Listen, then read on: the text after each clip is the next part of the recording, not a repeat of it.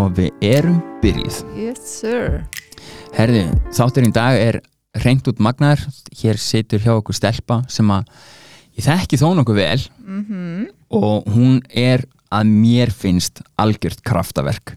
Þar getum við verið sammála Um, ertu velkomin í þáttinn? Já, takk fyrir. Þú heitir, Ég heiti Klara Lind, ég er 19 ára já, þú ert 19 ára, ok, og ég er aðstandandi alkoholista. Ok. Ólst upp, uh, báði fóreldri mín er alkoholistar. ok. Og hvað hérna, hafið þið alltaf verið alkoholistar? Uh, sko, pappi minn er nú ekkit einhver svakalur alki, hann var meira bara í grasinu og í þessu Já. rólegra dæmi. Mhm. veist, þetta var ekki eins áberandi hjá honum og eins og hjá mömmu minni Mhm. sem er bara í spullandi sprautunistu alveg síðan hún var bara táningur. Ok, En hjá henni byrjaði þetta bara í áfenginu og þróaðist síðan bara mjög fljótt yfir í það sterka. skil. Hvernig, veist, þegar þú talar um þetta, veist, finnst þér það erfitt? Nei, ekkert lengur. Þetta var náttúrulega erfitt fyrst að tala um en ég er búin að vera mjög opinn með þetta, flest allir veit þetta. Mm Þú veist, það er bara, já, ég er búin að vera mjög opinn með þetta. Ég náttúrulega var hjá salfræðingi alveg heil tíu ár, Mm. cirka bát og þannig ég er bara lært að vera opinn með þetta og þetta, þetta er ekkert feimnismál. Ok, geggja. Það hefur væntalega tekið á að komast á þann stað. Já, það var alveg þetta byrjaði náttúrulega þannig þegar ég byrjaði að segja frá þessu, veist, ég var náttúrulega einu sinni alltaf í byllandi sjálfsvorkun Mm og þá var ég að leitast í, eftir vorkun, veist, frá fólki. Ég vera að segja bara, já, ég lendi þessu og þessu. Og alltaf gott að fá svona, æ, greið þú. Mhm. en núna þá er ég bara alls ekki þar. Núna, þú veist, þegar ég segi frá þessu þá er ég meira bara svona, þú veist, að sjá hvað ég er á flottum stað núna og Mhm. það að ég hef gengið í gegnum þetta og ég er það sem ég er núna, og, þú veist, ég hata að fá vorkun núna til dæmis, þú veist, algjörlega búin að þroskast þroskast frá því, sko Ok, geggja. Uh, þegar þú talar um, ég, náttúrulega, fólk kannski skilur ekki alveg hvaðan þú ert að koma. Viltu kannski segja okkur kannski frá, þú veist, hvernig þetta var, þú veist, þegar þú ert band, þú veist, hvernig upplifun var það að vera aðstandandi? Já, ég hérna fóreldrar mínir hætti saman þegar ég var svona 8 mánuða eða eitthvað. Og ég bjó bara með pappa mínum og hérna tveim sískinum sem hérna voru sér ekkert börnin hans pappa og þannig það fundið út af því og þannig þau voru sendið fóstur og ég bjó bara einu með pappa mínum og uh, já, hann náttúrulega var mjög ekki mikið til staðar, hann var, þú veist hann tók mig oft með sér á rúndin á kvöldin seitt á nóttinni, þar sem hann var að hoppa inn með pókagrassi í klukkutíma og ég Mm. beði til bíl og með hann og þetta var allavega, allavega einu sinni viku, Mm. tvisar þrisvar þú veist, Mm. hann tók mig alltaf með sér og ég beði til bíl Hvað ertu gömul þannig? Veistu það? Manstu það? uh, þetta er bara veist, fyrst sem ég man frá þessu að hafa séð pappa minn vera að keira út með gras og eitthvað svona þá ég verður verið bara í svona fyrsta bekk Já. og þú veist, hann stoppa oft utan um strippklúb sem var neyri bæ og var þar í 1, 2, 3 tíma menn ég var þú veist, bara í bílnum í símanum í Snake þar sem ég náttúrulega var ekki með net eða neitt þannig þá sko Mm. og já, það Þannig að- þannig að strax þegar þú ert sex ára svona cirka þá, þá ertu með minningar um það að hafa já, verið viðstödd við svona alls konar það svona skrýtna hluti já, og bara þú veist, eins og í sjómarsborðinu heima á einni hliðin í skúfunum voru bíómyndir og hinum meginn var fullur pókar af grasi, skilur við Já, þannig að það var svona ég vissi náttúrulega ekki hvað þetta var endilega þá, þú veist, Nei, nei. en þetta var alltaf eitthvað skrítið. Já, og þú veist, ég fattaði náttúrulega bara þegar ég varð eldri bara, þú veist, hvað þetta var og já. byrja að þekkja lyktin af þessu og svona. Mhm. Hvað hérna já, var, var hann veist, var hann í mikill neyslu sjálfur? Sko, hann, þú veist, ekkert með með mömmu mína, hann, Nei. þú veist, hann fekk sér veist, rauðvinsglas á hverju kvöldi og eitthvað svona, hann var aldrei bl- blind fullur. Hann gras, þú veist, hann reykti sígarettur inni og en ég var ekki var við að hann var eitthvað í mikilli neyslu, Nei, það var ekki fyrir henni fluttið til mömmu, sko, já, sem verður vitni að svona já, einhverju hardcore. alvöru alvöru neyslu. Ok, Hva, hvað ertu gömul þegar þú ferð þangað? Sko, ég er svona hálnuð með fimmtabekk þegar ég kynnist mömmu fyrst Mm. og fer að hitta hana sem þetta badnavendanæmdar stopnun þar sem pappi minn leiði mér að hitta hana því að hún var búin að vera eitthvað í tvö ár. Þannig að hann bara, ok, gefum svo Ok. sjans Ok. Þú veist, já, þetta hendaði pappa minn mjög vel á þessum tíma því að hann var að hitta einhverja tvítaða gælu skilur þannig að það var fínt að vera með badnapössun þannig, annars hefði hann aldrei leift mér að hitta hana þar sem hann talaði bara mjög illa um hana og alla fjölskylduna mína. Já, bara segja hvað hún er slæm og hvað hún er ógeðsleg og svona. En, móðu fjölskyldaðin þá Já. já, og hérna ég sem sagt hitti mömmu fyrst barnandandastofnun og hitti hana tvisvar þar held ég. Og svo uh, hafður þau eldri hitt hann áður eða? uh, nei, Ó, ég fekk ekkert að hitta hana. Og uh, eina manneskinn sem ég fekk að hitta í uh, móðufjölskyldunum minni var amma mín. Mm, og það var, þú veist, bara þegar hún var komið með jólagjafir eða eitthvað svo leiðis en annars þekkti ég bara enga fjölskyldu þar sem, þú veist, öll fjölskyldanars pappa minns var líka búin að loka á pappa minn. Mm þannig ég og pappi minn vorum í rauninu bara ein. Þannig var svolítið einangröð já, mm en ég sem sagt flytt mjög snöggt til mömmu eftir ég kynnist henni. Þú veist, ég byrja á því að gista einu sinni og svo aftur og aftur og aftur. -hmm. og síðan er ég bara flutt til hennar. Ok, og í fymta bekk. Já, í fimmtabæk ég klára var þess það? að Bara verið allt í einu svona köttuð það er bara köttuð allt í einu allt í einu ertu bara farin til hennar konu sem hún basically þekktir ekki já, og, og sko þegar ég flytt til hennar þá líða örgulega ekki meir en tveir mánir og þá er hún fallin. Ég skil. Og þá er hún bara in and out þú veist, úr meðferð bara, þú veist, ég, hún var örgulega lengur í meðferð tíman sem ég bjó hjá henni heldur en heima. Og, og varst þú þá bara ein eða hvað, uh, hvernig? nei, hún átti mann sem hérna var edru á þeim tíma.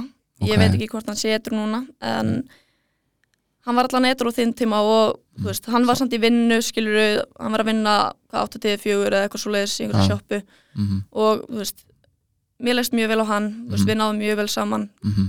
og, en þau reyfust mjög mikið Já. því að mamma náttúrulega var bara alltaf í neslu og hann var að reyna að halda sér edru og ah, þannig toxic svona samskipti Já. alveg mjög sko og hvað, var ekki skrítið samt að flytja bara eitthvað veist, bara til Jú. mömmuðina bara, veist, það, allt í ég man líka sérstaklega, mér fannst svo erfitt ég vissi aldrei hvað ég átti að kalla hana því að ég náttúrulega átti að kalla hana Linda, átti að kalla hana mamma þannig ég held bara, heyrðu, þú Æ, þú veist, það var mjög erfitt að byrja að kalla hana mamma þú veist, í fimmtabæk þegar maður var komin á Já. þennan aldur en þú veist, ég byrjaði síðan að kalla hana mömmu og veist, það var alveg Já. erfitt, skilur Já.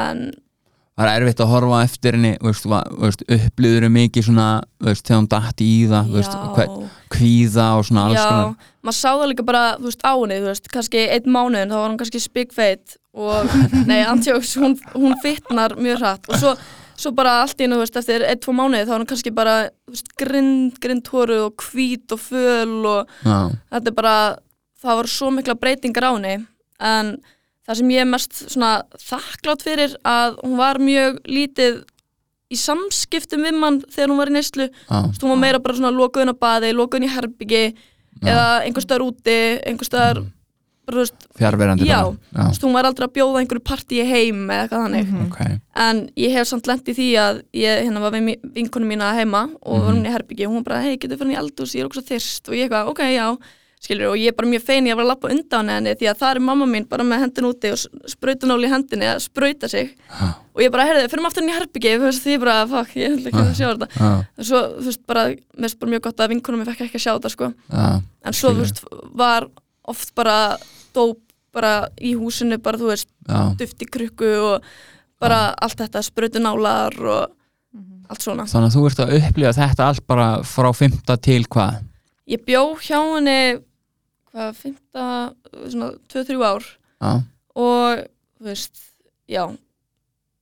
Og ég man bara hvað ég var, ég var mjög, þú veist, óörug þannig þetta er breiðoltinu og ég man bara, þú veist, það sem var kækur hjá mér var að þegar ég var að lappa í úr skólanum, þú veist, ég horfði fyrir bak við mig, þú veist, bara Já. hverja fimm sekundur því að ég var bara svo stressuð. Ef einhver var að elta mig eða eitthvað, ég veit ekki af hverju, ég hef aldrei lent inn hennu, þú veist, að einhver sé að fara að berja mútu götu en ég var bara rosalega hrætt á þessum tíma.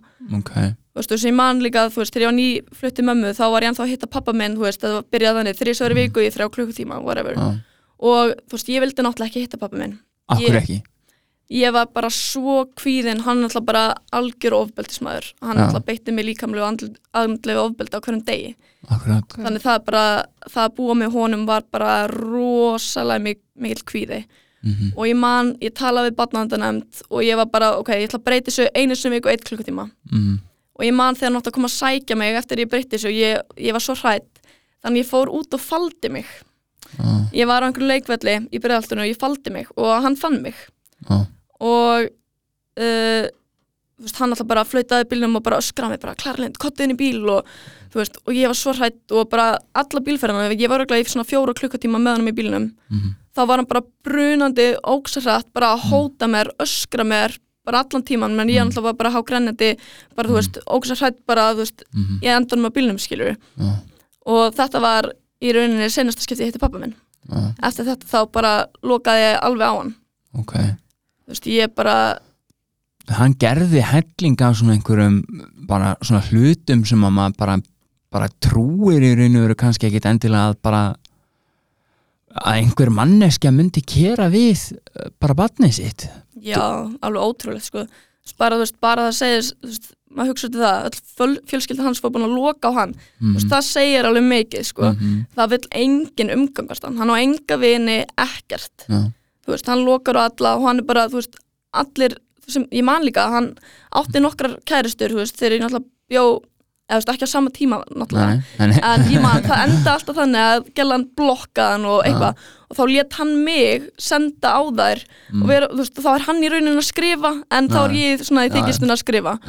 Þú veist, og þá er bara svona ég, hann, hann er mjög leiður, hann saknaði ín og eitthvað svona. Og meira þess að það var þú veist, hann meira þess að droppaði mér fyrir utan hjá einni. Hún meira þess að bjóða hann því á fóreldri sinum droppaði mér fyrir utan hjá henni og ég átti að fara að banka og tala við hana og ég, meðan, ég, meðan ég var með síman í gangi þannig að hann myndi heyra allt. Veist mm, já, og ég bara náttúrulega vildi aldrei ekki gera þetta en ég náttúrulega þurfti að gera þetta. Já, margt sem ég þurfti að gera bara sem var bara fárulegt bara á ungum aldri, þarna var ég bara í þriðabæk eða eitthvað skilur bara að fara, veist og þetta bara, já. Að Þetta er bara Þannig að brota allan þennan tíma sem að þú bjóst ein með pappaðinum alveg einanguru þá var Mhm. hann að beita því ofbeldi. Já, okay. og veist, það sást mjög skýrt, veist, ég meina ég veit að foreldrar tökja vinkonum mína á þe- þeim tíma vissu af þessu og þau segja mér núna, veist, að þau tilkynntu. Og ég meina ef maður skoðar gegnum skólagöngina mína þá sést, þú veist, að ég er bara með veist, bara eiginlega enga mætingu og eða bara umulega enganir og sýnir bara öll, öll öll, mer einkenni. já, öll merki um að það sé eitthvað að og samt einhvern veginn er aldrei gert neitt og sem ég skrítið, þú veist, ég meina batnandanemnd var komin inn í málið þar sem það var tekið sískinni mín af, skilur þannig af hverju var ekki rannsakað þetta meira Mhm. þú veist, Ertu reyð út í kerfið fyrir að hafa ekki gert neitt? Já, þetta er, þú veist, þetta hefur alveg eðilegt margt fyrir mér. Ég menna alveg frá fyrsta til, þú veist, áttunda, nei, fyrsta til áttundabæk, þá, þá lærði ég ekkert og ég menna þegar ég mætti að Akranes í fóstur í áttundabæk, þá, hérna, þá var ég fjagrabækki starfræði. Og það því ég bara svo, missa svo mikið úr, þegar ég náði ekki að læra undir stressi Já. og bara kvíða Mhm. og þetta var bara svo mikið spenningur, ég bara, ég hef ekki getað lært. Mhm. þú veist, ég man bara, þú veist, eins og þegar maður fór í fóreldra við til að vera að segja engan annar og ég vissi bara, ég var að fara að slæma enganir og pabbi minni var að fara að lemja mig þegar ég kemur heim. Bara út af því ég með slæmar enganir Okay. og ég man, þú veist, eins og í fyrsta bekk þegar maður er að læra að lesa og maður er að lesa upp átt heimanám og svona. Og ég man, þú veist, ef ég var að stama eða að lesa hægt þá var bara, þú veist, bara ítti pabbi minn í mig og öskra á mig bara og segja hvað ég verið heimsk og þú veist, ég meina, ég var að byrja að læra að lesa hvað, við hverju býstu, skilur já. Bara er- stanslust niðurbrot. Já, Já, þannig ég hafði bara enga trú á mér í neinu Mhm. og bara, var bara alveg brotinn var með, þú veist, ekkert sjálfströst Já. og já, þetta var bara ömulur tími. Já. Þess vegna sem ég segi sko, þú veist, þegar ég byrjaði að ég kynna þig þá sagði ég að þú væri kraftaverk Já. og það er vegna þess að, að þetta er ekki staðan þín í dag. Nei, Og- og- því. þú ert bara það sem ég veit að þú ert að standa þig ógeðslega vel í öllu sem þú hérna ert að gera. Og mér langar kannski að tala um það þú segir að þú hafi farið í fóstur í áttundabekk já, um, var það var það léttir eða var það erfitt? Eða hvist, hvernig var, þú varst búin að vera hjá mömmuðinni þarna í einhver tíma? Já. Og, ég átti bara að fara í tvo mánuði fóstur með að mamma mín verið langtíma meðferð. Á, og ég náttúrulega vildi bara vera hjá mömmu því að þetta er bara Já, eitthvað random fólk út í sveit skilur um Akkurat. og mér langar bara að vera hjá mömmu minni. Mm ég náttúrulega þekkti ekkert annað, ég vissi ekkert nei, nei, akkurat. En svo fellur hún strax bara viku eftir hún kemur úr langtíma meðferð og þannig ok, þá lengist fóstrið og svo fellur hún aftur Mm. og þá lengist það veist, til jóla og svo fellur hún aftur og bara, veist, þetta er bara endalust mm þannig, en svo bara með tímanum þegar ég var búin að kynnast fólkinu fjölskyldinu minni núna, þú veist, Mhm. sem ég er fóstri hjá -hmm.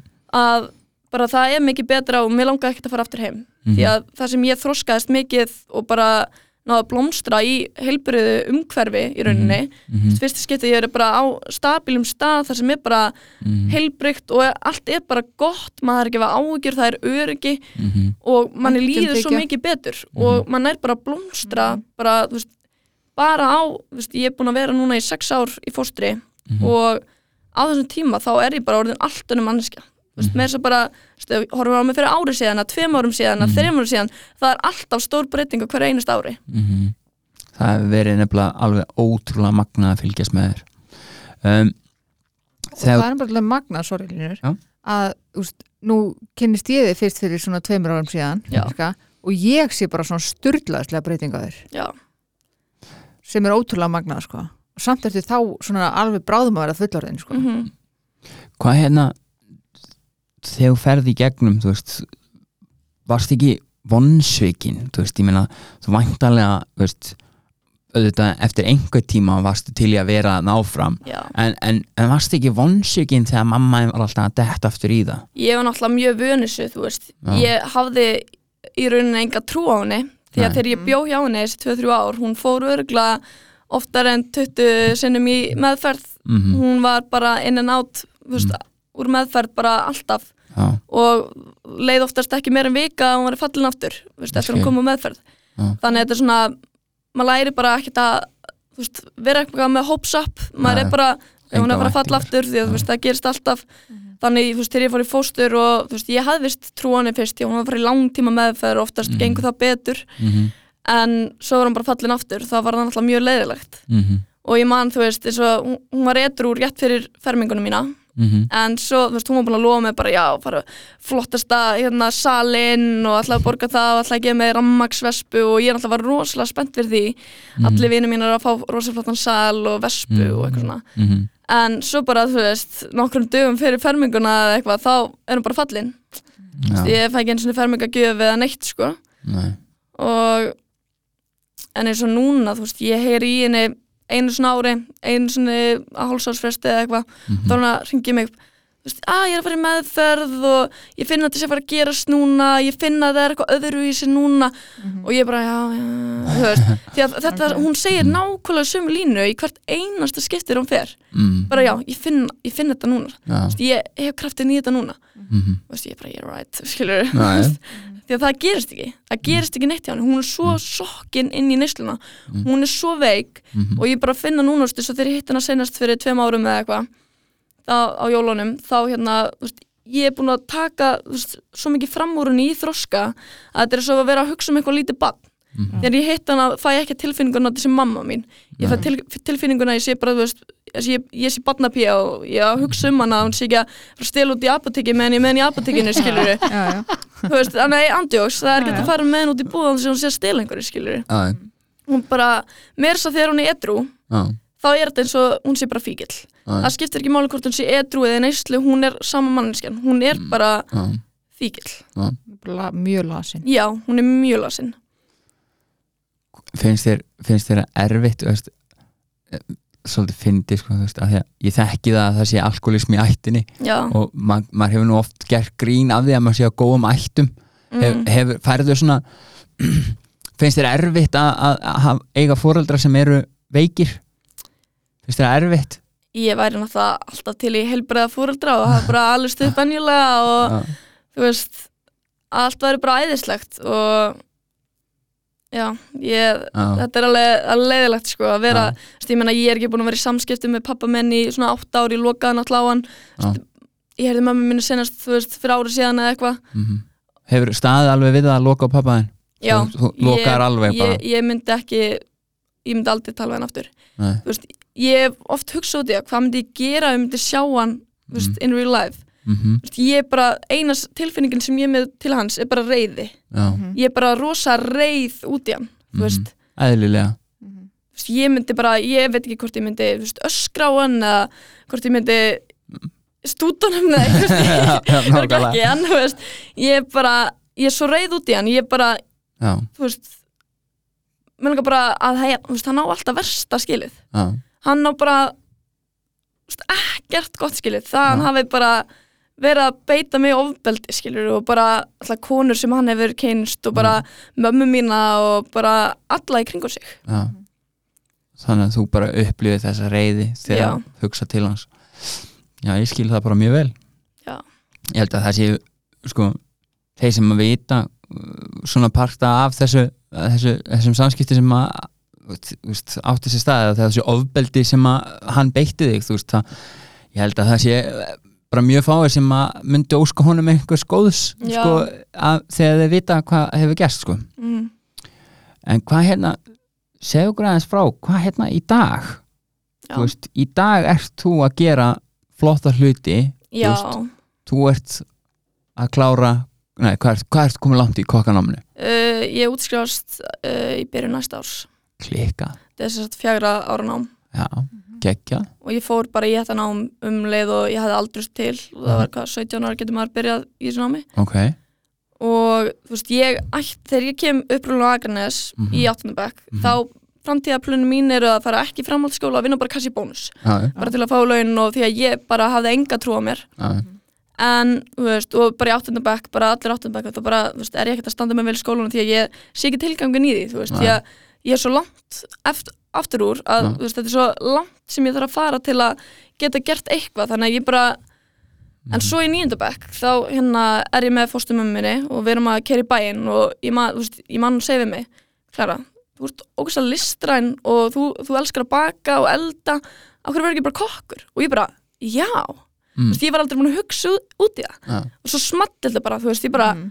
bara eftir það, þá bara snýrst allt við. Þá var ég bara svona, því að þá var ég með eitthvað til að stefna að og þá bara byrja að standa með mikið betur í skólanum og bara allt á uppleið, þú veist, ég meira þess að fekk viðkenningu fyrir, þú veist, með minnir að hvað framúrskarandi árangur Mhm. þú veist, þegar ég útskrifast úr tíndubekk Já. bara því að ég bara, þú veist, var búin að finna eitthvað sem ég langaði að gera og var bara með passion og Mhm. bara allt eftir það, þá bara bara held ég Já. áfram að blómstra bara Mhm. óksla hratt og ég sko með gæsa út já, og ég sem sagt fer á hérna na- uh, á samning á veitingastað á Akranesi uh, maturslu samning og byrja þar, vinn þar í eitt ár svo fer ég í fyrsta bekk í hérna, þetta er Mhm. skipt í fyrsta annan þriða bekk í skólanum. Mhm, og svo um, byrja ég á Hotel Húsafelli uh, byrja þar fyrir tveim árum já. mhm, og þar veist, það er bara besta vinna sem ég hef fengið og bara ég er búin að læra rosa mikið þar og þetta er bara æðislegt. Bara, þú veist, mér finnst bara æðislegt að ég hafi fundið þetta nám og bara fundið eitthvað sem ég vill gera. Og ég meina ég þarf ekki að vera brjáluslega góð í starffræði til að vera í þessu námi. Ég meina ég get ekki ímyndið mér að gera neitt annað og ef ég ekki fundið út í þessu þá bara, ég veit ekki hvað ég væri þú veist núna. En ég, ég verður nú samt að koma með því að þú fegst nú samt ekkert slæma engun í starffræði í kokkanáminu. Þú náður alveg góður engun að, já, þú náður allan ég náði en það er líka ástæð ég meina, hei ok, ég skal bara orða þannig, vinur minni lélur í ennsku og ég er góð í ennsku vinur minni er góð í starffræði og ég er léleg í starffræði maður redda sér. Maður redda sér, maður lærir að bjarga sér. Þannig, þú veist, maður lærir það. Algjörlega. En er eitthvað svona í fortíðinniðinni sem þú hefur getað snúið við og nýtt sem styrkleika uh, ég veit það ekki ég er náttúrulega bara mikið sterkari manneskja og bara, Mhm. þú veist, ég veit ekki hvort það sé út af því sem ég er búin að gangi gegnum, þú veist eða hvað, eða hvað, en Mhm. þú veist, ég er allan að trú því að þetta hefur gert mig sterkari og Mhm. bara kraftmeri og bara, þú veist, sé bara hvað ég vil alls ekki vera ég vil alls ekki vera eins og fóreldrar mínir Mhm. þú veist, jú, ég er bara að stefna því að vera bara ennþá betur en þau og vera bara bara algjör sigurveri í rauninni. Sem þú ert. Já, hvað hérna ég langar svo að spyrja þig. Um, þú ferði í fóstur og hvernig finnst þér það hafa haft áhrif á? Breytti það ekki bara í raun og veru stefnu lífsnýs jú, það breytti öllu. Árið fyrir fóstur þá var ég bara, ég með mjög brotna sjálfsmynd og bara enga trúar sjálfum mér og bara en, engan tilgang eða neitt. Mm -hmm. og ég náttúrulega hef aldrei við, var aldrei búin að vera á neinu heilbröðu heimili með heilbröðu fólki venjulegu fólki skilur mm svo fer ég á Akranes og það bara snýst allt við. -hmm. Þú veist, bara það að fá að vera með þetta öryggi veist, það er reglur, það er, þú veist Það hefur nú samt ekki verið alltaf skemmtilegt ekki alltaf. Það er ekkert alltaf gaman að vera með svona reglur og, en, en, en það er mikilvægt. Það er mikilvægt að vera með reglur og að vera með bara öryggi og vera bara, þú veist já, það er kvöldmatur á hverju kvöldi þú veist, ég þarf ekki að hafa ágjör hvort ég geti borðað eða ekki borðað. Já. þú veist, sem ég var alveg, þú veist, þegar ég bjóð pappa mínum maður var ekkert viss hvort að það væri kvöldmatur eða, þú veist, þegar ég bjóð pappa þá veist, var ég að elda með mat í fyrsta bekk skilur Já. ekki var hann að elda Nei. Ég skil. En hvað hérna ég verð nú að spurja því það er svo gaman að, hérna, þetta hljóta samt að hafa verið rosaleg viðbrigði þú veist, þú er væntalega veist, bara að lifa því óta og, og, og svona verið svona að gera alls konar svona sem að var ekki eitthvað sem hún gerði þegar þú komst í fóstur Mhm. Hvernig, veist, var ekki veist, erfitt að, tilenga sér allt í einu? Átti bara lífið að vera bara einhverjum kassa? Veist, var það ekkit, það hlýtur að hafa verið svolítið svona mikið? Já, þetta var alveg stór breyting og það var erfitt að koma í fóstur og ég náttúrulega vissi ekki hvernig þetta hagaði mér. Ég var aldrei búin að lifa með fjölskyldu áður og Mm. ég var vön að vera bara ein með fóreldri mínum, skiluru Mhm. og þannig það var alveg margt sem ég þurfti að veist, aðlagast veist, inn í fjölskyldan. Var, það var ekkert auðvelt að fá mig í fóstur til sín, skiluru. Nei, það bara, alvegni, sko. Ég var alveg fyrir eitthvað erfið og veist, ég var bara, var skellandi hurðum og ég var bara Mm. frekjukostum og bara ég, veist, ég man ekkert almennilega hvernig ég var en veist, ég var allavega já, mjög kvíðinn og bara Já. var ekki vön og varpaði tilfinningunum þínum yfir Já. aðra svona, Tó, já, já, tók tilfinningar með út af öðrum sko. já. já, ég minna eðlilega eðlilega, þú veist, það fyrsta lagi úlingstelpa Mhm. Já. já, akkurat öðrulegi bara að læra að lifa með öðrum já, og kannski fyrsta skipti að finna fyrir bara, bara ást og umhyggju já, ég hef náttúrulega heldur ekkert góð í þú veist, í samskiptum eða neitt ég var ekkert vön því að þú veist, já, að verður við krafist að þú ættir heilbrið samskipti já Mhm. akkurat standardin var settur þannig að þú ættir bara Mhm. að eiga samskipti og tjá þig og, og, Mhm. og ekki í, í hurðaskellum já, og flytjun á heimili þar sem að er mikil samskipti Mhm. já, náinn samskipti já hvað er hérna ef þú ef þú ættir að velja kannski svona eitthvað sem er mest stolt yfir svona þegar lítur yfir þar sem þú er komin núna ertu með eitthvað svona eitt sem þú ert svona moment sem þú ert mjög stolt af mm, mm, Nei eða, ekki sem ég get hugsað því núna bara það að ég sé mm. bara komin svona langt áfram og bara, þú veist, er á svo flottum stað núna, Mm -hmm. veist, það er bara svona overall, veist, það er ekkert eitt, þú veist. Þú tekið samt alveg þó nokkuð góða ákvarðanir. Mér finnst nefnilega svo gaman sko. ég, ég veit til þess að það var hark með, með það. Að þú keftið þér sjálf bíl.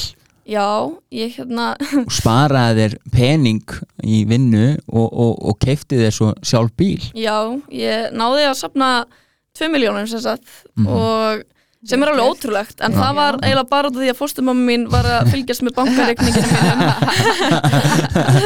þannig, veist, þannig að hún var alveg með kröfur um að ég myndi spara pening og Já. það var alveg, við rifumst alveg oft um það mér Já. langar náttúrulega bara að eða peningin mínu föt og við erum með flottustu fötin og skonna og svona já, en þú veist, þetta var bara reglur já. bara ég þarf að leggja helmingin og laununum minn til hliðar Mm og þannig ég náði að kaupa mig bíl sem var aðeinslegt, en svo náttúrulega eftir að ég var, þú veist, 18 ára þá náttúrulega já. þú veist, hún ekki lengur með bankareikningin Nei, mínu en hún er alltaf erfið að, sopna að, þeir svolítið allt bara í föt ennþá, sko. Já, já. en, þú veist, svona er þetta, sko. Og tattoo? Og Já, tattoo, komið átján tattoo á svona ein, ári. Já, þú komum með átjón tattoo. Já, ég hérna Já, eins og margir segja í kringum að ég er bara með byllandi kaupfíkt, sko. Er það? Já, ég, Ok. bara þú veist, þegar ég fyrir út í búð og er að versla með föt eða eitthvað þá bara fyllist ég af bara svona ég verð bara svona, eða bara svona æst bara og svo bara svona, þú er búin að kaupa mér eitthvað það er svo glöð, en það náttúrulega endist ekki endalaust þannig þá þarf ég að kaupa mér eitthvað aftur til að halda gleðinni, skilur Já, sko, ég er að segja ég ætla að spurja bara hérna tinnu, hvað segir við, þetta að tengja? ég tengi en eins og þegar ég bjöði á pappa þá var ég með bara byllandi matafíkt ok, þá sóttist ég mjög mikið í mat og bara ég átt mig oft veika. Já, og það er kannski ástæðan okkur ég, ég er að læra kokkin í dag. Ég, veist, ég er svona, ef ég ætti að þakka pappa mínu fyrir eitthvað það er bara fyrir að, þú veist, út af því ég fekk ekki ástina frá honum, þá leitast leitast maður í ást í eitthvað annað. Ég leitaði ást í mat. Já, þannig ég bara, stróði með mig matarfíkt. Ok. Og þá byrjaði að vera að baka og elda og bara hafa áhuga á því. Já, og þannig kom ég mér, held ég, dóldi mikið bara inn í þetta nám. Ok. Já, áhuga sviðið er allan annað. Já, Já, ég skil. Algjörlega. Hvað hérna En sem- rúlutertan Nú Rúllu- ennþá ég þetta rúlutertur ó, rúlluterta ég, já, Ég var aldrei sé ungar stelpur stúta bara heiti rúlutertu brún hérna rúlluterta sem Já, eru kaupir í krónunni já, geggjar, ég hérna, já. Hvað, hva, Róli er bara muna þetta. Bara hvað rúlu þetta? Ég ég bara aldrei sé, þú veist, hún bara andar að sér. Já, það, það, Það er alltaf sko, ég finn það enda sko, þú veist, ef, ég, ef mér líður eitthvað illa eða er eitthvað búið að gerast eða whatever, Já, þá á ég það til að annarkvært að bara eigða hættilega peningi í föt eða það bara að vera bara maffi með mat. Já. Bara til dæmis slátra helli rúlutertu það segir. En hvað hérna Ok, ég, er samt áhuga, áhuga að vera spurninga að því að þú fóreldreinir báður eru greinilega veist, með fík Já. og greinilega með svona alls konar hefðuna erfiðleika. Mm uh, Hefur þú þróað með þér fík veist, aðra veist, en kaup fíkn og matafík hefur þú veist, Nei, ég tók sér satt ákvörðin fyrir alveg tveim árum eða eitthvað. Aðeins meir en tveim árum kannski. Ok, að bara sleppa áfengi alveg. Ok. Því að ég veit að það er riski fyrir mig að Já. drekka áfengi. Þar sem ég er gjötna að fá fíkn eins og matafíkn og kaupfíkn og þú veist, Pepsi Max fíkn skilur ég bara, þú veist, ég er mjög gjötna að fá fíknir þannig ég veit, ég hef þetta í mér bara, Já. þú veist, ég sín þetta mjög stert fram að ég geti orðið mikill fíkill. Já. þannig, þú veist, í staðin fyrir að taka riskið að fá mér áfengi og verða mögulega fíkill og bara allt á niðurleið, þá bara sleppur sjálfveg ok, og það, hef, það er bara, þú veist, æðislegt. Það var fyrst alveg erfitt að Mm. mæta í partí og vera eina edru og þú veist, ég náttúrulega var ekki með besta sjálfstrustið fyrir tveim árum, en eins og núna get ég mætt bara í partí í edru og fólk heldur í sig full. Já, skilur þegar ég bara hafa gaman og þú veist, Já. bara eins og allir aðrir. Láta bara eins og já, já. þú veist, ég þarf ekki áfengi til að skemmta mér. Nei. það er samt geðveiku kostur sko, að þurfa það ekki sko. mm og hvað ertu þá alltaf beðin um að, skuttlillum ég sko, fyrst var ég, fyrst var ég þannig að það, ég var alltaf skutluðum því að ég bara hafði ekki í mér að segja nei. Já, þess núna er ég bara svona, þú veist, nei. Veist, ég bara, ég er ekki að vera skutluðum ég er ekki að skutluðum, skilur já, nákvæmlega. Og ég meira þess að, þú veist, ég meira þess að sko, þú veist, ef ég er að fara í eitthvað partí og þú veist, þessu vinkonum mínar, þær eru kannski með far Mhm. þá ákvæði ég fyrir að fara kannski með farinu í staðan fyrir að keira sjálf því þá veit ég að ég mun enda og vera að skuttla og Mhm. sækja þetta og hitt Ja, og eitthvað ja. skilur þannig ég er bara svona bara, bara að læra það bara, já, ég fæ bara að fara með einhverjum öðrum. Það er, létt, það er létt að retta sér fari sko. Já. þannig, þetta er reyndar, þetta er hacks. Þetta er sniðu þetta er hacks. Já, mann ennur ekki að vera bara svona já, þú ert búin í þetta partí út af því að ég get mjög skuttla ég bara, ég bara mæta ekki á bíl. Tjöld, þetta er snið, þetta er þetta er partyhacks fyrir alla etru einstaklingana. Já, ha, Klara með ráðinn fyrir etru fólki já, ég er snild maður og allar sem eru búin að missa bílprófið. Já, Já. akkurat. Hvað hérna, já um, ertu búin að fyrirgefa? Fyrir ekki að, mömmuðinni, sko ég er hægt að fyrirgefa það? ég menna, ég veit að hún er aldrei að fara að vera eitthvað edru Vist, Ok. mér erst ótrúlegt að hún sé ennþá á lífi í rauninni. Já, hún hefur dáið oftar en þrísvar og það er bara þú veist, já, stipla hana bara back og hérna þannig, þú veist, mér erst bara ótrúlegt hvað hún getur gengið gegnum mikla neyslu og ennþá vera á lífi og bara en ég veit ekki fyrirgefinni, þú veist ég ég hef ekki hugsað í þetta nei, ég skilji Er hún býr hún á götunni? uh, sko ég er alltaf búin að heyra henni lengi en senast er ég vissi þá var hún á konukoti Okay. Já, hún er eiginlega bara mest mengist þar sko Mhm. gutinni og konukoti og og þú, vond í hjartað. Það er alveg leiðilegt sko en eins og ég hugsi þetta þá kom hún sjálf, kom sjálfur sér í þetta. Mm. þú veist, með, þú veist, hún er bara í rauninni algjör aumingi. Mm. bara ef ég segja út skilur, ég meina af hverju er hún að láta mig fá hóps um að hún verði etru og ringi mig bara já, þú veist, ástu mín, ég er verið etru og já, þetta mun allt ganga vel núna þú veist. bara frekar myndi ég þú veist, ég hef tekið tímabil þar sem ég er bara sleppt að svara enn í síman, ég nenni ekki að hlusta á það lengur. Já, veist, ég þessu. ekki að vera í þessum samskiptum þar sem hún er að segja mér það sama og sama aftur. Því að ég, þú veist, þetta byrjaði alltaf þannig ég bara hlusta hann bara, já, ok, ekki, ekki, ég edru. Svo bara, nei, ekki edru. Og þá náttúrulega fór ítlaði skapið á mér. Já, þannig ég bara, ég nenni ekki, já, vera alltaf fyrir vonbröðum þannig ég bara, ég nenni ekki að taka þátt í þessu ég er að standa mig vel og ég nenni ekki að vera með eitthvað sem er bara já, þú hefur sett fókusin bara á það að reyna að lifa þínu lífi já, og vera ekki að, að búa til of mikla væntingar Já. um hennar framistuðu já, skil. En nærði að hugsa þetta þannig samt þó svo verðir náttúrulega sjálfsögð fyrir vonbröðum og þetta er erfitt, mm, eðlilega að þetta séu samt veikindi. Já algjörlega, þetta er náttúrulega bara veikindi. Mm. Já, veist, en þetta er alveg leiðilegt ég hef aldrei þekkt mömmu mína ekki vera bara Já. einhvern þú veist, svaka veik, veikur einstaklingur þú veist, ég Já. var alveg til að kynnast henni hvernig væri hún ef hún hefði alltaf verið etru já, Mm. hvernig mamma væri hún Mhm. veist, hvernig manneskja væri hún því að þú veist, ég hef aldrei tekið eftir því þú veist, mamma mín og hérna, ein vinkona mín, hún á okkur uh, mömmu sem er líka fíkill mhm, þær eru vinkonur þær er hérna byggur saman í Vestmæni um einhver tíma Mm. og þegar mamma vinkonu mínar ringir í vinkonu mína mm, og ég heyri þær tala saman. Þetta er bara alveg svo mamma mín tala við mig. Já. það, þú veist, það, þetta eru tveir fíklar mm, tala alveg eins, segja sömu hluti. Já, þetta er sami einstaklingur, þetta er bara svona já, fíknin er bara svona, tekur yfir fólk einhvern veginn og bara, þetta, allir eru einhvern veginn alveg eins. Það er bara, þetta er ótrúlegt sko.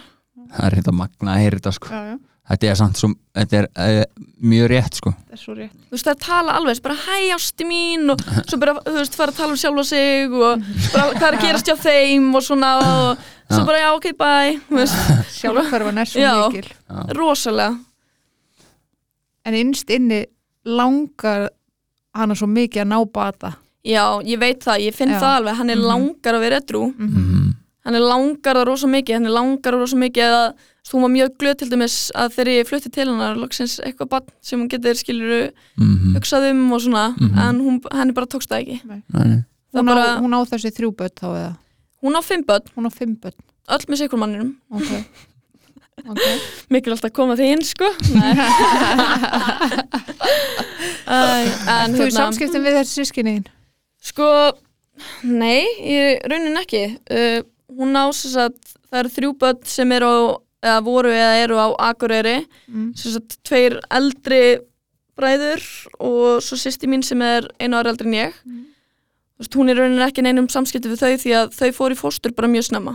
Okay. já, bara þú veist, þau voru það heppin. Þau fóru bara heilbriða fjölskyldi bara þú veist, bara nána strax. Já, náttúrulega strax. já, Okay. en svo einn annar bróður minn hann er hvað 99 mótel held ég mm, hann er sjálfur bara komin í í neslu þannig hann og mammi mín þú veist, er í samskiptum og þau hanga saman skilur hann Já. okkur þinn að sendi mér myndaðum saman um daginn bara, já mamma saknaði henni ég, bara, ég, þú veist, ég sendi ekki tilbaka skilur Nei. þú veist, skilji. bara tveir fríklar búin að hópa sér, Já. sér saman þarna skilur Okay. en svo henni fannst mjög leðilegt að hérna, missa all börnin frá sér veist, í- út Já. af neyslunni og svona mm, skil það alveg skilur Mhm. og eins og En bara leðilegt fyrir pappa minn líka veist, hann alltaf hjælt að hann ætti mig og sýsti mín, sýsti mín á bróðu minn en svo náttúrulega kom, kom í ljós að hérna, hann bara já, þig og hann lét mig alveg oft heyra hvað hann saknar, þú veist bróðu minn smikið, hann langaði svo mikið í strák Já. en Já. hann, þú veist, hann fekk mig stelpu, þú veist, Mhm. shit hann tók það út á þér. Já. Já. hvað hérna ef að þú getur ráðlagt einhverjum einhverju barni sem að er í svipaðri stöðu og þú hefur líst þú veist að vera, er einhver ráð sem að þú myndir veist, sem ef þú myndir hitta unga þig mm myndir þú ráðleggja sjálfriðar eitthvað? Var eitthvað sem þú hefðir myndir segja? Þú veist, ef ég myndi hitta ungu mig þá veit ég að unga ég myndi ekki hlusta á neitt það bara ég, ég bara hlusta ekki á neitt sko, saman veist þessi fóstumma mín þegar ég var nýkomin í fóstur hún reyndi að segja mér allt og ég bara svona, veist, nei, nei, nei veist, ég, ég sagði bara já, já, já veist, og ég var ekkert að hlusta, mér er alveg sama, ég ætla ekki að gera neitt í lífinu, ég hafði ekki trúið sjálf á mér. Það gæti enginn breytt í nema ég sjálf. Mm -hmm. þannig ef ég ætla að ráðleggja sjálfuð mér eitthvað þá væri það bara bara treysta veist, fólkinni hérna, fórstufjölskyldunum minni strax og bara, mm. bara þetta verði alltaf lægi og veist, bara finna þér veist, bara mikilvægt eins og hjá mér að finna bara eitthvað áhugamál Mhm. um leið að ég var komið áhugamál eitthvað sem ég vildi gera í framtíðinni Mhm. þá einhvern veginn snýrist allt mikið hraða við því að þá varum ég eitthvað til að stefnað Mm. það er mjög mikilvægt að vera með eitthvað til að stefnað ef ég er ekki með neitt til að stefnað þá er ég bara að lifa veist, öllum dögum alveg eins skilur. Já, þannig bara, já, að finna sér eitthvað Til sem manni finnst gaman eitthvað Mhm. til að stefnað mhm. þá er það bara það sem ég myndi segja sko En eins og til dæmis uh, ef þú getur ráðlagt ungri þér Mm. mm. veist, áður nú ferði fóstur hefur þú getað ráðlagt sjálfur þér að kannski bara segja frá mm, veist, þó svo að þú hefðir nú veit ég ekki eins og hvort þú gerði það skilur sko, eða myndur ráðleikja batni að gera það ég myndi ráðulegja því já, en eins og ég, þú veist, eins og sem þegar við bjóðum pappafinum, þetta langaði mér að segja fólki en ég náttúrulega vissi ekkert hvort þetta væri eitthvað rosa eðlilegt óeðlilegt eða ekki því ég Ja. náttúrulega bara þekkti bara þetta Nei, er náttúrulega ekki annað og ég var náttúrulega var hættum ef ég myndi segja frá að hann myndi koma að staði og ég var bara Já. barinn þegar ég var komin heim skilur Mhm. Eðlilega. en þú veist, ég veit alveg að það var alveg fullorðið fólk sem vissi að þessu, ég meina Mhm. ég veist, Mhm. ég man þegar ég bjóð pappa þá var ég að hitta einhver, einhverja konu einu sinni viku sem við tölum saman einhver, einhver úr badnaðandanemnd og Mhm. en samt einhvern veginn var ekki gert neitt ég, ég, ég skil ekki alveg sko, þannig Þannig að hún var nefnd vissi í raun og veru af því að, og þú varst að tala við já, en það var samt ekki tekin út úr nei, umhverfinu það var ekki fyrir en ég óska eftir því að hitta mömmu mína Mhm. og að pappi minn samþykti það að þannig komst ég í raunin út úr þessu. Þú veist, Mm. ég veit ekki þú veist, ef ég hefði sagt bara mætt á barnandunstofnun og hafi sagt bara já, pappi minn er að lemja mig ég veit ekki hvort það hefði gert eitthvað því að ég, þau vissu það, skilur þú veist, þannig það en auðvitað er kerfið mikið betur í dag ég meina þetta er alveg mörg ár síðan. Já, já, þannig, þú veist, ef batni minni aðstæði núna var í þessu þá náttúrulega mikið meira options núna hvað er þetta að gera og mikið Já. tekið alvarlegra á hlutunum. Þú veist. Magna. Ég var svo reið. Já, veist, ég veit líka bara að þú veist, tveir fóraldri vinkunum mínum voru búin að tilkynna. Já, það er sáu bara, þú veist þú veist, ég man eins og ein mamma vinkunum minnar þú veist, var að knúsa með einu sinni, ég man ekki af hverju skilur og hún var bara að segja, þú veist að hún get, þú veist, og hún er alltaf til staðar og þú veist, hún Mhm. getur bara verið í móðurhlutverkinu hjá, þú veist, hjá mér skilur og við, við erum bara, þú veist, ég get alltaf komið til hennar og mhm, þú veist, þú var bara að segja svona, þú veist, ef það vantar einhvern tímann þú veist, mömmu til að tala við þá getur þú tala við mig og þú veist, fólk viss alveg að væri eitthvað að. Mhm. En- Og væntalega bara út frá því hvernig pappiðin já, var. Já, veist, það er væntalega ekkit eðlilegur í samskiptum. Nei, Akkurat, alls ekki. Já, Tina Verður reið? Ég verð mjög reið því ég heyri svona. Já, mjög barnavenda nefnd ánáttúrulega að bjarga börnum. Já. Úr svona aðstæðum. Já, þetta er náttúrulega bara, ef ég hefði verið tekin í fóstur mikið fyrr, það er þið svo mikið betra. Þú veist, ég verði oft afbríðsum út í fósturbróðum minn sem hérna fór bara í fóstur tveggjara eða eitthvað, veist hvað, hann á bara heilbreykt líf í rauninni, Mhm. mhm. með þess að ég búin að, þú veist, segi, já, þjást og sk- skemmast í rauninni svona lengi, því að Mhm, það er alveg erfitt að snúa því aftur við og mhm, þú veist, það sem ég var búin að venjast og það sem ég var búin að bara, þú veist, það er erfitt að leiðrétta sjálfa sig í rauninni mhm, og gera sér betri, skilur þú veist, þegar maður er búin að vera svona mörg ár mhm. bara, Í mótun já, af þessu. Já í rauninni, þú veist, eins og í dag ég er með bullandi tengslaröskun og Mhm, ég er náttúrulega bara fekk enga ást fyrir fóruldrum mínum og, þú veist, og það er alveg erfitt að, þú veist, að vera með allt þetta á bakinu bara því að þau gæti ekki hugsa alveg um mig. Já, þú veist, ef þau, þú veist, Já. allt þetta bara, þú veist, og þá þarf ég að leiðra þetta mistökin þeirra Mhm. sem er rosalega fyrrandi Mhm. já. Af hverju þarf ég að gera erfið vinnuna mhm. þú veist, þegar Mhm. þau hefði getið bara Drullast þess að gera það rétt. Já, já, í rauninni. Já, eða bara játa sér sigruð Já, já, Algjörlega. Þú veist, mér finnst bara, þú veist, mér finnst þess að pappi minn skuldi mér svo mikið, en það er ekki hægt að setja, þú veist, pening á það, en hann skulda mér svo mikið, Já. Svo mikið. Ég held að það sé bara mjög eðlilegt að þú upplifir allar þessar tilfinningar af því Mm. allar svona tilfinningar eiga bara rétt á sér. Mér finnst samt geggjað að þú segir að ég þarf að leiðrétta Mhm. það sem þau gerðu. Já, já, og, og, og það er á mína ábyrð að leiðrétta það. Og það er rosalega heilbrygt viðhorf sem þú hefur að þú skulir axla ábyrð á þínu lífi mhm, og því sem að þú ert með á bakinu Já. að þú skulir ætla að, að vinna í því fyrir þig já, þetta er samt rosalega ósangjart, já, þegar ég hef, getur bara, veist, allast upp á heilbæri fjölskyldu og það ekki þurft að gera neitt, en Nei. núna þarf ég að leiðrétta, skilur, og ég þarf að fara í gegnum erfið vinnuna og, Já. veist, þetta er svona ósangjart, Já, já. þá enginn að þurfa að gangi gegnum þetta. Nei. Hefur já, þetta er, þetta er í raun og veru mögnus að maður, maður, maður, það er svo oft sem maður skortir orð. En þú talar um, þú veist, þetta er ósangjan og það er þetta er það sem fólk fattar ekki sko, þú veist, sumt fólk fær bara ekki veist, sömu spilin á hendi veist, þegar það kemur inn í þetta líf. Veist, og það fær bara crappy hand, skilur Mhm. En, en þú ert að spila ógeðislega vel úr því sem þú hefur fengið. Mhm. og þú stefnir langt. Já, þú ert með markmið, mhm, þú ert með stefnu. Segðu okkur aðeins ég, ég veit að þú ert með eitt markmið sérstaklega. Þú ert með einhvern stað sem að þið langar að vinna á. Mm, er, er það búið að breytast? Nei, það, þetta er ekkert eitthvað staður til að vinna þú, Ah. þú skilur þetta betur eða þú er í kokkabransanum já. skilur ég skilði það náttúrulega ekki neitt sko. veist, það er mjög algengt að nemar fari, sækjum styrk frá eðan já, og þú veist, fáið þá, veist, e- eins og ég fekk símtal í desember bara, Já. já, þú fær styrkin og þú fæ að velja stað, bara, þú veist, ég geti farið til köpen eða, þú veist, bara whatever Já. og ef ég næja að redda mér stað, þú veist, á einhverjum Michelin stað, þú veist, eins og Já. ég var þú veist, ég, hérna er sérst komin styrkin, ég þarf bara að finna stað til að vinna en alltaf búið að vera byllandi COVID þannig já. ég hef ekki alveg geta farið Nei. en ég ætla að fara sérst, til köpen í byrjun árs uh, að vinna á tvekja stjórnum Michelin-stað í tvo mánuði ok, en það er náttúrulega bara staðurinn lókað út á COVID og þannig ok, fyrir, fyrir leikmannin veist, sem er að hlusta mm hvað er Michelin staður?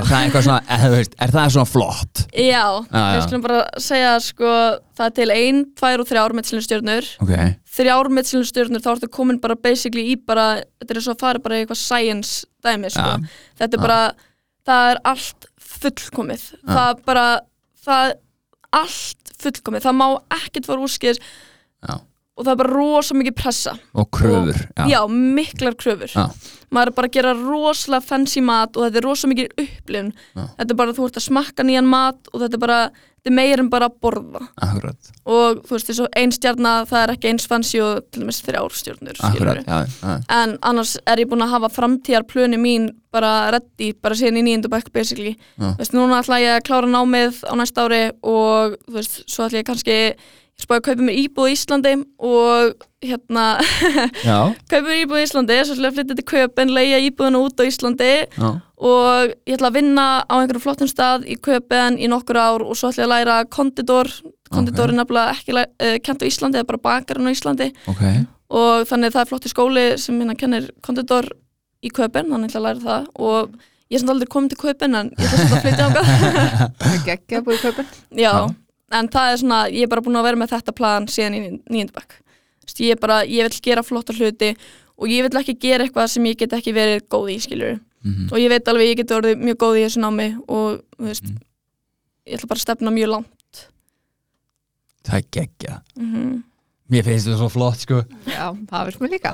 Það, en þetta er ge- geggja, ég, ég hef 100% trúið þér, ég einhvern veginn bara veit það þú veist, bara af því sem ég þekkja þér þá bara veit ég að þú mun ná þessum markmiðum, Mhm. Já, svo lengi sem þú fer ekki að drekka áfengi Mhm. og, og vera helluð, þá held ég að þú sér bara nokkuð solid á því að, að, hérna, að ná öllum þessum markmiðum. Mm það held ég líka. Ég held það ekkert, ég veit það. Já. og hérna, ég hlakka bara einhvern veginn rosalega mingi til að, hérna, koma í heimsókn til í kaupin já, og, og fá að borða á Michelinstað mm -hmm. ég hef aldrei borðað á Michelinstað hefur þú borðað á Michelinstað? Nei, þú veist að ég elska bara mægisköku sko. ég þarf ekki einhvern mitt sér nýtt sko. Já, uh, er eitthvað fleira sem við viljum spyrja hana? ég held ekki Ég held að við sem bara nokkuð góð, ég er bara ógislega, ég, ég fæ aftur svona stolt tilfinningu. já, já, Ég er alltaf svona stolt mamma þegar ég, ég er enda búin að vera stolt að klöru mig lengi, sko. já þetta er nefnilega helviti gott hvað, Mhm. vilt þú segja eitthvað fleira? mm, þetta er ekki til hug sko ekki, Nei. þú var hel góð Já. herði það held ég að við segjum bara þetta er gott í bili og, og þökkum þér kærlega fyrir að hafa komið í þáttinn Já, Takk kærlega.